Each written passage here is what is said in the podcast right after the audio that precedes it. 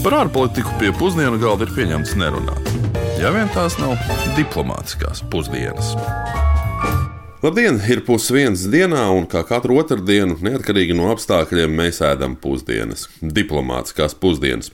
Šodien gan es, Uģis Lībijams, gan arī mans kolēģis, Latvijas ārpolitikas institūta pētnieks dr. Kārlis Bukovskis, abi izvairāmies no atrašanās studijā un pusdienojam katrs no savām mājām. Sveiks, Kārli! Sveiks, Uģi! Šodien ēdīsim kaut ko no Centrālā Azijas valstīm. Pagājušajā nedēļā mums bija analītiskāks redzējums par uh, Putina konstitūciju, es atvainojos par Krievijas federācijas konstitūcijas grozījumiem. Um, nu, tad šodien turpināsim ar bijušo Padomju Savienības teritoriju, tagadējo nu, NVS valsti un dosimies uz Taģikistānu. Taģikistānu mēs izvēlējāmies, jo valstī 1. martā notika parlamentu vēlēšanas, un 27. martā būs parlamenta augšpalāts vēlēšanas. Šogad oktobrī ir jānotiek arī prezidenta vēlēšanām. Tā kā trīs vēlēšanas vienā gadā. Jā, bet nu, tādā pašā laikā Taģikistāna tiek atzīta par diktatūru.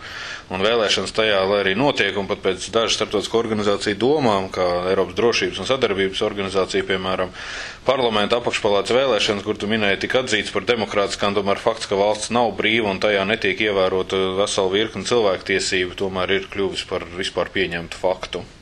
Un, nu, opozīcijas partijām tiek ierobežots iespējas kļūt par potenciāli nozīmīgu politisko spēku. Un, savukārt pats prezidents, tā saucamais nācijas līderis Emamālī Šaripovičs Rahmons, ir bijis valsts prezidents kopš 1994. gada 6. novembra, un gan arī vienbalsīgi tiek paredzēts, ka nu, šis 68 gadus vecais politiķis gan kandidēs, gan uzvarēs, un, nu, respektīvi, turpinās vadīt valsti arī pēc oktobrī plānotajām prezidenta vēlēšanām. Jā, tādēļ paskatīsimies, kas tad ir Taģikistāna un kādi ir tās izaicinājumi un kādu valsts attīstību var paredzēt arī tuvākajos piecos, desmit gados.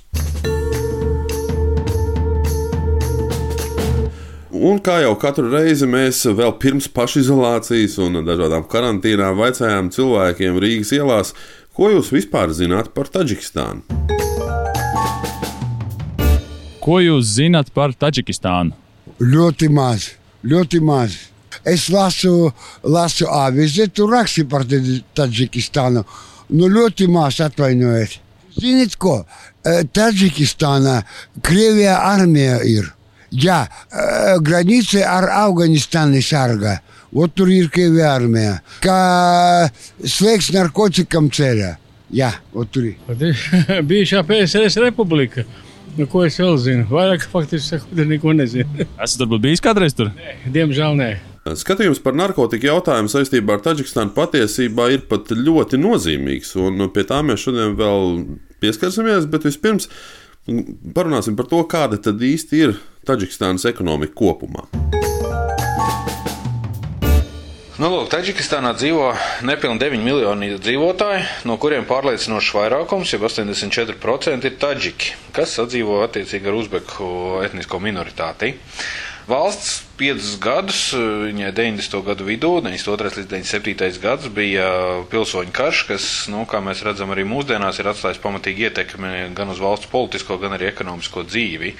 Un rezultātā ir situācija šobrīd tāda, ka ekonomiski Taģikistāna ir viena no nabadzīgākajām pasaules valstī. Um, ja mēs paskatāmies pēc uh, ciparos, tad Taģikistāna ir 6,6 miljārdus eiro liela ekonomika. Nu, tik liels ir valsts IKP nominālais un salīdzinājumam ar Latviju, piemēram, Latvijas IKP ir 28 miljardus eiro liels. Um, Latvijas valsts budžets šim gadam ir 10 miljardi eiro liels. Kas faktiski nozīmē, ka Latvijas valsts budžets ir lielāks nekā visa Taģikistānas ekonomika kopā, bet uh, fakts, ka Latvijā ir 4,5 reizes mazāks iedzīvotājs skaits un IKP 4 reizes lielāks, tas tomēr liecina par to un dod kaut kādu sapratni par to, cik liela ir šīs valsts ekonomika un saimniecība kopumā. Un uh, par Taģikistānas ekonomisko situāciju, izaicinājumiem un izredzēm telefonu sarunā mums komentēja arī uh, Taģika kolēģi, kur nodarbojas ar Taģikistānas iekšpolitisko procesu analīzi. Nu, viņi gan vēlējās uh, jau iepriekš minēto iemeslu dēļ palikt anonīma, un to mēs arī respektējām, tāpēc klausamies.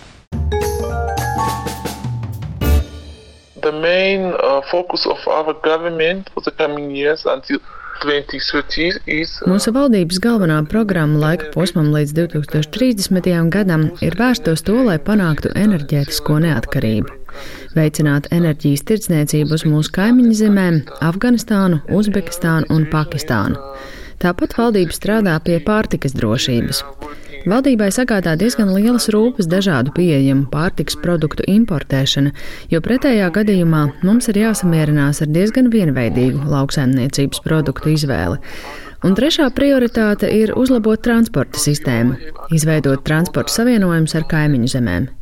Šeit jāatceras, ka Afganistāna ir mūsu kaimiņš, un tas joprojām atstāja negatīvu ietekmi. Mūsu piegādes ceļi ir ļoti pamatīgi atkarīgi no drošības situācijas Afganistānā, tāpēc būtu pāragri teikt, ka mēs varam cerēt uz kādu neatkarību. Tāpēc mēs neesam īpaši optimistiski noskaņoti par jebkādām pārmaiņām, jo tas, kas ir īstenots pēdējo desmit gadu laikā, visticamāk tā arī paliks. It will remain the same. Turpinot par Taģikstānas ekonomiku, ir vēl divas svarīgas lietas, kas ir jāmin. Proti, tas ir ārvalstīs strādājošais darba spēks un arī narkotikas, ko jau mēs pieminējām ielu intervijās. Proti, aptuveni no trešdaļas līdz pat pusē valsts budžeta veido līdzekļi, ko saviem radiniekiem ir atsūtījuši citās valstīs, un īpaši jau Krievijā strādājošie valsts iedzīvotāji. Ārvalstī strādā aptuveni miljons taģiku, un pārliecinoši vairākums, gandrīz 90% no viņiem Krievijā. Un katru gadu uz dzimteni tiek nosūtīti aptuveni 2,5 miljardi dolāru. Nu, faktiski vairāk nekā puse valsts ekonomikas ir atkarīga no migrācijas. Un šis ir viens no augstākajiem rādītājiem vispār pasaulē. Un es domāju, ka daudz no jums tagad uz komēdijas seriālā Naša Raša redzētajiem Rafšanu un Džamšutu varētu skatīties nedaudz savādāk. Nu jā, bet, uh Šis migrācijas jautājums ir absolūti svarīgs arī šā brīža vīrusu izplatības kontekstā un to, kādā veidā Covid-19 ietekmē gan ceļošanu, gan naudas plūsmas. Acīm redzot, mēs redzam, ka apturot migrāciju, tad daudz cilvēki ne tikai Taģikistānā, bet arī citās pasaules valstīs var piedzīvot personīgu ekonomisko krīzi katrs un ir sevišķi situācijās, ja dzīvo vienā valstī un strādā citā. Un šeit mēs atgriežamies pie Afganistānas aspekta, par kuru jau iepriekš runājām, jo arī šai valstī ir ļoti būtiski ietekmi uz Taģikstānas ekonomiku, tikai nu, nedaudz tādā netradicionālā veidā. Proti, narkotika tirzniecība veido aptuveni trešdaļu, varbūt dažkārt pat līdz pusē no valsts ekonomikas. Un jauniem cilvēkiem patiesībā ir divas alternatīvas. Vai nu kļūt par viestrādnieku kādā citā valstī, vai arī pievērsties narkotika tirzniecībai. Un Tieši caur Taģikistānu notiek lielākā narkotika tirzniecība no Afganistānas. Un, um, ASV, Krievija, Ķīna katru gadu šai valstī piešķir miljoniem dolāru lielu palīdzību cīņai pret uh, šo opiātu tirzniecību. ASV, kurai pašai ir nopietnas uh, epidēmijas apmēra problēmas ar uh, opiātu atkarību, nu, Taģikistānai piešķīrusi vairāk nekā 180 miljonus dolāru cīņai pret narkotiku tirdzniecību. Taču Viss šī piešķirtā nauda nevienmēr sasniedz mērķi, bet patiesībā tikai veicina korupciju un atbalsta faktiski valsts kontrolētu narkotiku karteli. Un iemesls ir ļoti vienkāršs. Tiek uzstīts, ka pārvadāšanā reketā ir iesaistīts arī personas no prezidentam Emomali Rahmonam tuvākajām aprindām. Un bieži vien narkotiku reidi arī tiek izmantoti kā aizseks, lai arestētu politiskās opozīcijas pārstāvjus. Kā redzam, ekonomiskā noziedzības un politiskā pasaule Taģikistānā izskatās ļoti savijusies. Un prezidents Rahmons un viņa vadītā Tautas Demokrātiskā partija, kas ir gadu desmitiem dominējusi divpalātu parlamentā valstī un ieņem aptuveni 80% vietu, un tad pašā laikā mēs arī skaidri un gaiši redzam to, ka opozīcijai un kritiskiem viedokļiem uh, iespējas Taģikistānā izpausties netiek dotas. Un, kā norāda Rīgas Tradiņu universitātes docents un mans kolēģis Latvijas ārpolitikas institūtā dr. Mārs Anģāns, šī iemesla dēļ arī parlamentu vēlēšanā faktiski nozīme ir ļoti maza. Jā, nu, Taģikistāna neizskatās diezko labi, ja mēs raugāmies uz brīvībām šajā valstī. Tā ir viena no nebrīvākajām valstīm ar vienu no nebrīvākajām presēm. Centrālā Azijā un ne tikai. Šīs vēlēšanas vairāk ir nomināls tam dēļ, lai būtu. Jo ir skaidri zināms, kas uh, pieņem lēmumus Taģikistānā. Tos virzienus galvenos un lēmumus nepieņem parlaments. parlaments varbūt tiek nu, saka, veidots, lai izskatītos, ka viņam ir loma, bet nu, praksē tā loma ir ievērojami mazāka. Ir grūti runāt par tālāku demokratizāciju. Tas, ko mēdz runāt, ir iespējama varas nodošana pašreizējā prezidenta dēlam. Ekspertu un uh, politiķu un iedzīvotāju viedokļi, protams, uh, ņemot vērā šo te uh, pretrunīgi vērtēto režīmu, atšķirās arī pašu iedzīvotāju starpā, un arī vietējie eksperti domās dalās. Proti mūsu, piemēram, mūsu intervētais Džamšets, kurš savulaik studējis Rīgā un tagad strādā starptautiskā nevalstiskā organizācijā ar pilsoniskās sabiedrības institūcijām, uz Taģikistānā notiekošo un vēlēšanu procesu raugās kā uz normālu un pozitīvu. Tikmēr ir opozīcijas pārstāvi, piemēram, mūsu intervētais doktors Parvis Muluģānos, kurš strādā Upsals universitātē Zviedrijā, nu, viņa viedoklis ir uh, pavisam pretējs un daudz kritiskāks. Un tāpēc mēs jums piedāvājam noklausīties viņus abus divus, lai jūs paši varat redzēt, cik dažādi viedokļi ir par vienu valsti. It was a pretty, how to say, democratic election. Šīs bija diezgan demokrātiskas un caurskatāmas vēlēšanas. Visiem ievēlētajiem kandidātiem ir laba kvalifikācija. Mēs nedaudz papētījām viņu piedāvājumu iedzīvotājiem un konstatējām, ka tas nāk par labu sociālajiem jautājumiem, ekonomikai, izglītībai, veselības aprūpei un migrācijai. Līdz šim es neesmu novērojis neko, kas būtu pretrunā ar demokrātiskajām vērtībām vai likumu. Vairums sabiedrības atbalsta to, ko piedāvā valsts prezidents. Lai ko arī viņš viņš darītu vai teiktu, viņš vienmēr cenšas sakombinēt islāma tradīcijas ar moderno sistēmu. Ja jūs gribētu salīdzināt Taģikistānas sistēmu ar citām valstīm, tad mūsējā ir daudz labāka. Taģikistānas sekulāro modeli kā paraugu būtu jāpēta arī citām valstīm.